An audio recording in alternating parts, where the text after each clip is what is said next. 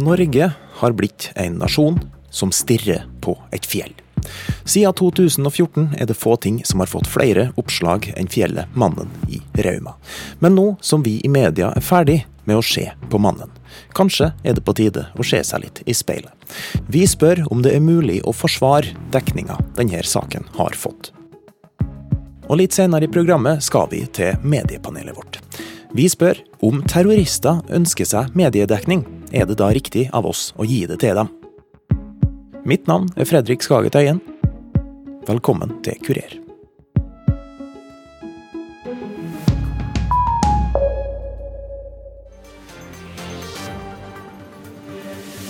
I dag kan de feire i Rauma. Faren er over. Endelig fall Veslemannen. Der skjedde. Det er nesten ikke til å tro. Mannen har rast. På en måte, i hvert fall. Veslemannen har rast. Store deler av fjellpartiet Veslemannen raste ut rett etter klokken 21 i kveld.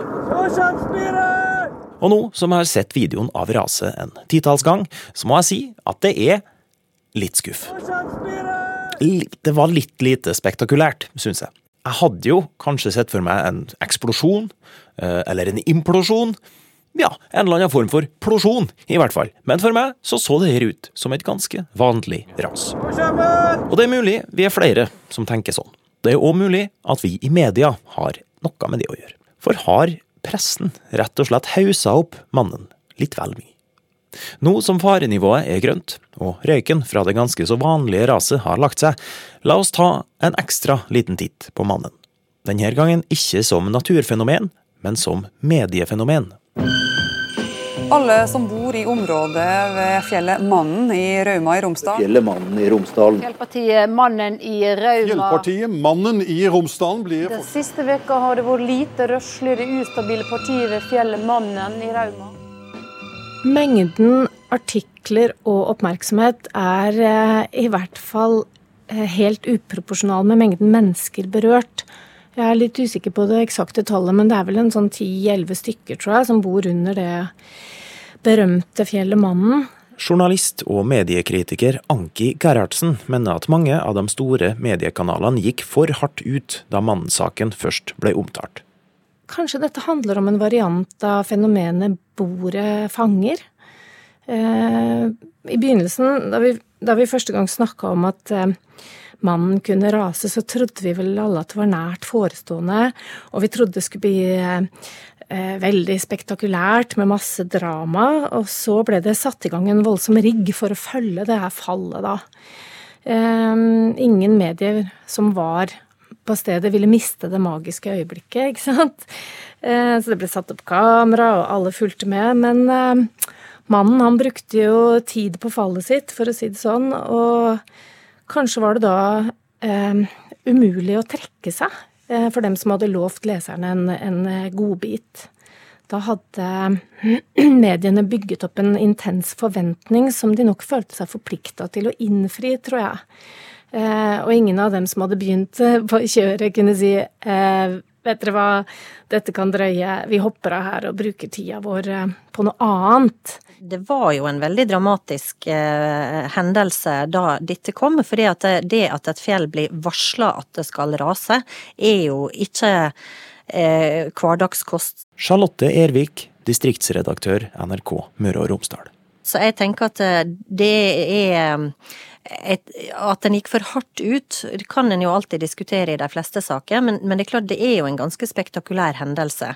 Og så mener jo jeg at vi har jo justert eh, dekninga da også deretter.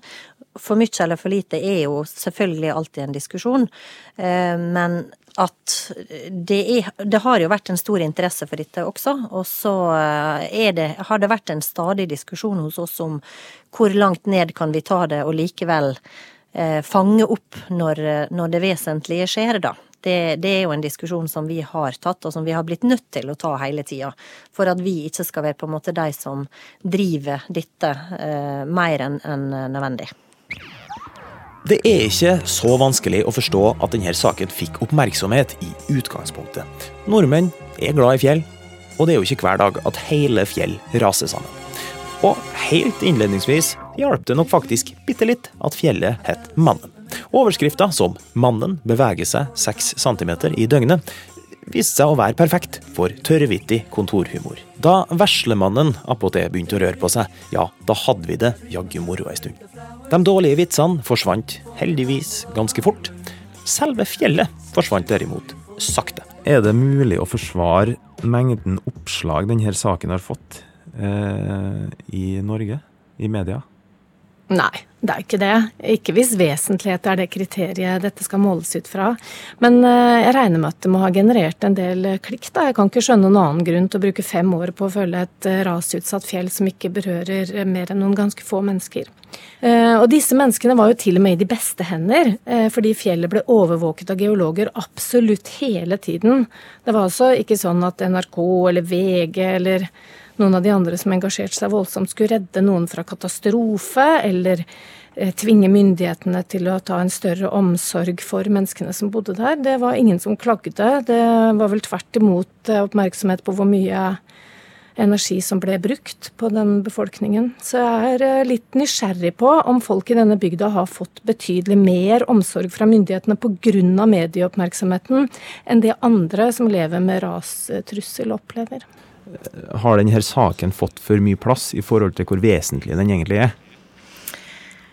Det vet ikke jeg eh, om. Eh, det kan kanskje noen andre vurdere. Men, men, eh, for oss så har det vært viktig å formidle det som har skjedd. Og så har vi vært veldig opptatt av at vi ikke skulle stå der. Altså Vi har vært liksom kjapt oppe med bemanning for å rapportere når det har vært noe som skjer, men også veldig kjapt ned igjen når de har tatt farenivået ned, f.eks. At vi ikke skal da finne alle de andre sakene rundt og holde det gående.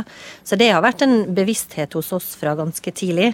Etter første evakueringa, når vi så at dette kommer til å gjenta seg, så har det vært en veldig sånn klar policy på at eh, ja, vi skal være kjapt på plass, eh, men så skal vi også ta det veldig kjapt ned igjen. Eh, og ikke på en måte leite etter nye historier å fortelle, fordi at de har vi allerede fortalt. Et par nye historier har det jo likevel blitt. I løpet av det siste året har f.eks. flere medier omtalt hvor mye ressurser myndighetene har brukt til rassikring og evakuering pga. mannen. Men hvor mye ressurser har mediene sjøl, som f.eks. NRK, brukt på mannen? Vi brukte nok mer ressurser på dette det første året enn det vi har gjort etter hvert. Eh, og for oss så har det jo handla om å bruke pengene på å sikre at vi har hatt lyd og bilde fra dette her. I hvert fall de siste åra er det det som har hatt hovedfokus. Eh, men det koster jo selvfølgelig også penger, og så er det en eh, prioritering som vi har gjort. Det kan en jo spørre seg om i alle saker, hvor mye ressurser skal en bruke på noe. Men her har vi jo sett at interessen har vært stor. Og så har vi fokusert på at vi i hvert fall skal ha lyd og bilde fra, fra dette stedet. Og så har det vært eh, en service som vi egentlig har delt også med andre medier. Sånn at det er jo mange andre eh, aviser og andre som har eh, fått bruke vår stream f.eks. Når, når det har eh, vært eh, bevegelse. Men det er jo ikke til å stikke under en stol at det tok jo sin tid, det her. Ja. Uh, og det har jo føltes, til tider i hvert fall, som om at vi som nasjon uh, sitter og ser på et fjell i grunn. Uten ja. at det skjer så mye. Det er liksom en sånn ultravariant av uh, sakte-TV. Hvor mange er det egentlig som har jobba med det her? Hos oss har nok de fleste jobba med det på en eller annen måte på et eller annet tidspunkt, men vi har jo ikke jobba med dette hele tida. Eh, og bemanningsmessig så er det klart at vi bemanna på en annen måte første året når vi trodde at fjellet skulle komme på med en gang. Eh, og så har vi jo på en måte konsentrert oss mye om å få opp lyd og bilde, sånn at vi har, har det der. Eh, og så er det jo litt som i de periodene det har vært mest aktivitet, så har vi jo hatt folk som har rapportert, som eh, de fleste har sett. Eh, men i, på det jevne så er det jo ikke sånn at vi har jobba med dette hele tida. Men uh, i løpet av fem år så er det klart at for en redaksjon som uh, vår, som ikke er veldig stor, så har jo de fleste på en eller annen måte vært i kontakt med Veslemannen uh, her. Hvis det er lov å si. si. Etter å ha slått fast at vitser om Veslemannen fortsatt er bitte litt komisk, tar jeg en ringerunde blant journalistene i NRK Møre og Romsdal.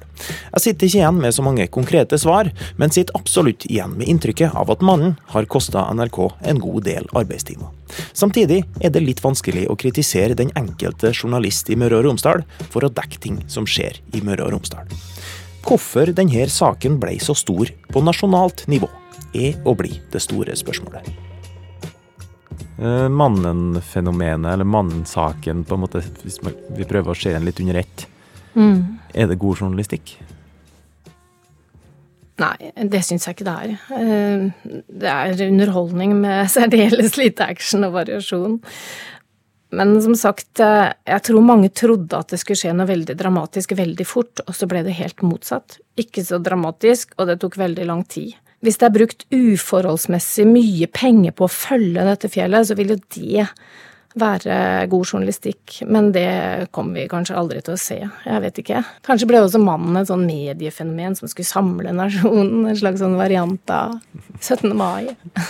Et slags antiklimaks som Ja. samler nasjonen? Eller sånn trist Ja. samlende Ja, det ble jo et antiklimaks, det tror jeg. Det er i hvert fall mange rundt meg her som sier det. Ja. Hva skal vi egentlig finne på nå i media, nå som eh, mannen har rast? um, nå sitter jo vi her og vurderer dette her på sånn kommentatornivå, ikke sant, Eh, litt kritisk. Eh, jeg skulle ønske meg mer av denne typen refleksjoner på journalistnivå. Altså mer kritisk, alminnelig kritisk og undersøkende journalistikk på annen journalistikk. Eh, journalister bør gå kollegers arbeid etter i sømmene oftere enn de gjør. Så det kan gagne oss alle, nå som mannen har falt. Mm. Kanskje mannen er et fint utgangspunkt å ta der òg? Ja, kanskje. Eh, Det er litt det som jeg sa innledningsvis med bordet fanger. Ja. Vi har lovt at eh, nå skal dere få en diger eksplosjon, bare følg med. Litt til og litt til og litt til, og så ble det umulig å trekke seg. Jeg vet ikke. Kanskje det har vært en, Kanskje en skal, drivfaktor. kanskje vi skal legge til en fjellvettregel i Vær varsom-plakaten? Det, det er ingen skam å snu. Ja, ikke sant? par timer siden at det skjedde, det som mange har venta på i eh, mange år.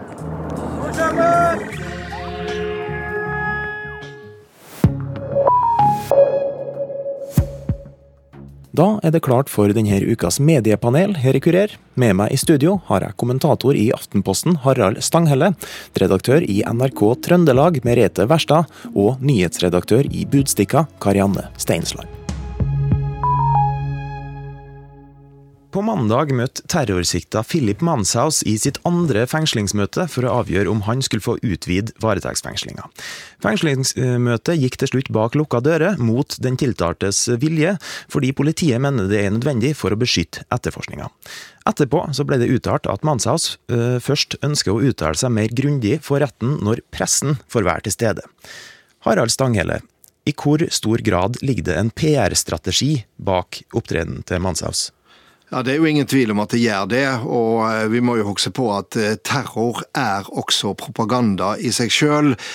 Og et grunntrekk ved terrorisme, slik vi kjenner den både historisk og i vår tid, det er jo nettopp å skape oppmerksomhet. eh, Det voldsomme, det sterke, ja, skape frykt, men like mye en propagandakrig eh, mot eh, eller for ei, ei sak. Så sånn sett så er dette en velkjent eh, strategi eh, som terrorister har brukt til alle tider. Og så ser vi at i vår tid så er dette ekstra utfordrende for oss i mediene, fordi vi har nå fått en helt ny trend ved at enten terrororganisasjoner eller enkeltterrorister de legger ut på sosiale medier fristende agn til oss mediefolk i form av oppkonstruerte bilder, øh, heltepositurer, oppsiktsvekkende øh, bevegelser, slik eh, Manshaus nå brukte med nazihelsinga på mandag.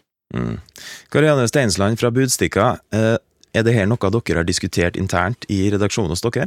Ja, selvfølgelig. Det er noe vi har diskutert masse hos oss. Og nå på mandag så valgte vi da ikke publisere det bildet, eller de bildene som kom da av han eh, med nazihilsen. Men vi, vi dokumenterer det jo i den form at vi er jo, for, er jo der til stede med fotograf, selvfølgelig. Men det å publisere det er noe, noe helt annet, og som vi diskuterer og har gjort helt siden, helt siden eh, 10. august. Mm.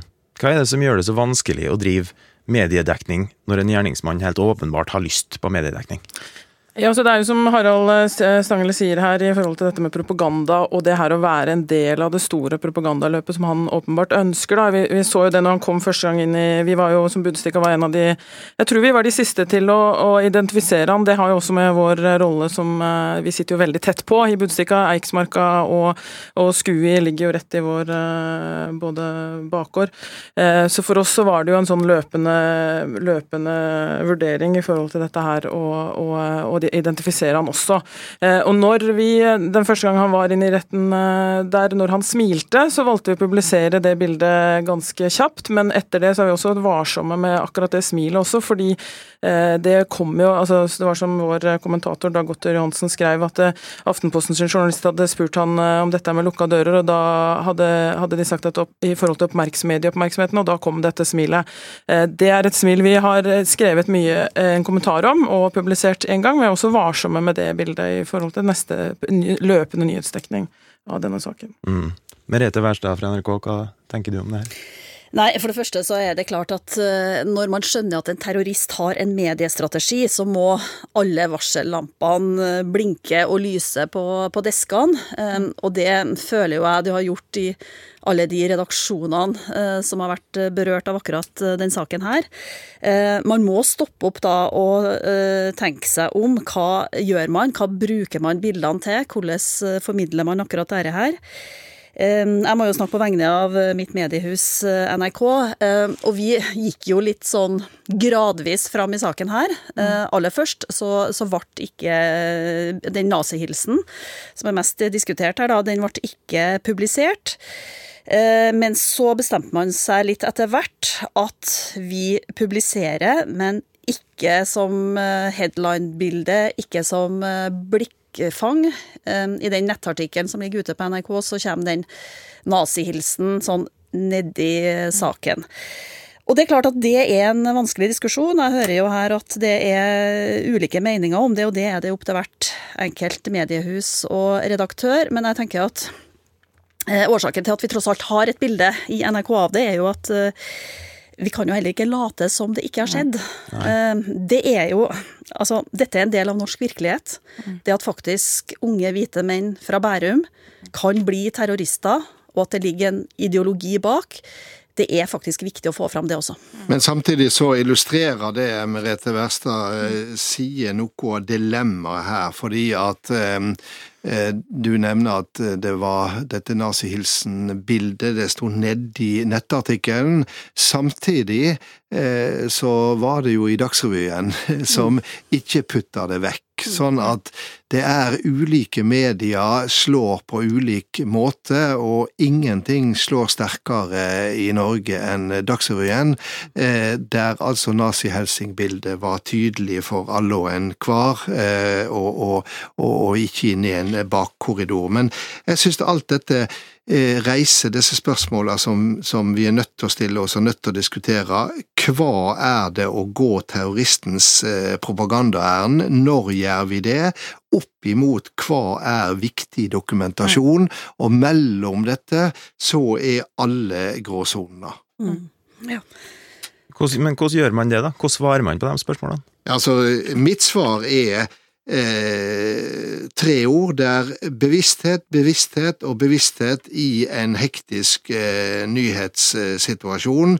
Eh, vi veit inderlig godt, og det veit publikum også, at vi mediefolk er lett og freiste eh, ved et oppsiktsvekkende bilde, ved det uvanlige, ved det eh, antinormale. Og det er klart at eh, når en terrorist eller en terroristorganisasjon planlegger ei nattsvart handling, ja, så legger de også en strategi opp mot dette. Vi husker Anders Behring Breivik sine bilder som var lagt ut i manifestet av han i mm. uniform.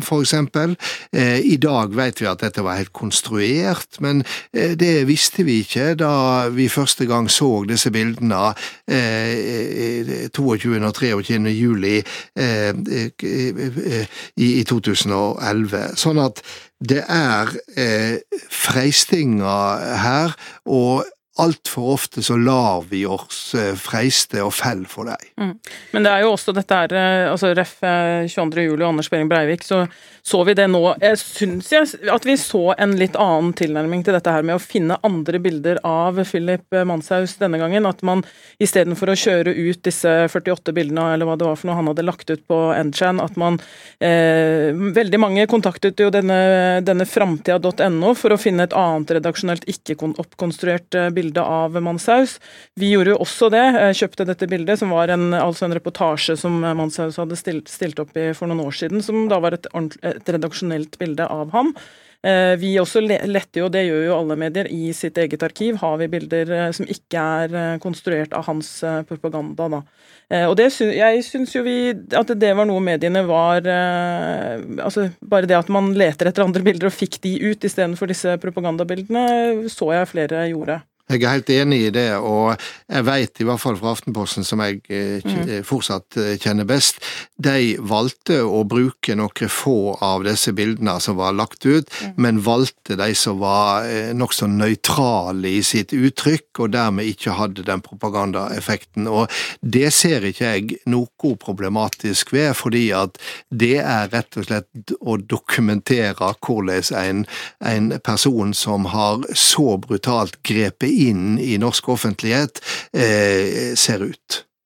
Ja, akkurat herre diskusjonen her viser jo det, og jeg tenker også det jeg har sett og hørt om den saken her, at norske medier har et bevisst forhold. At man har en tanke bak hvorfor man bruker kontroversielle bilder. Og det er jo det som er det viktigste, som Harald Stanghelle sier her. At vi klarer å stå for hvorfor vi har gjort det. Mm. At vi har en god journalistisk begrunnelse. At vi ikke bare kaster ut sånne bilder i vilden sky, altså. Det tenker jeg er det viktigste.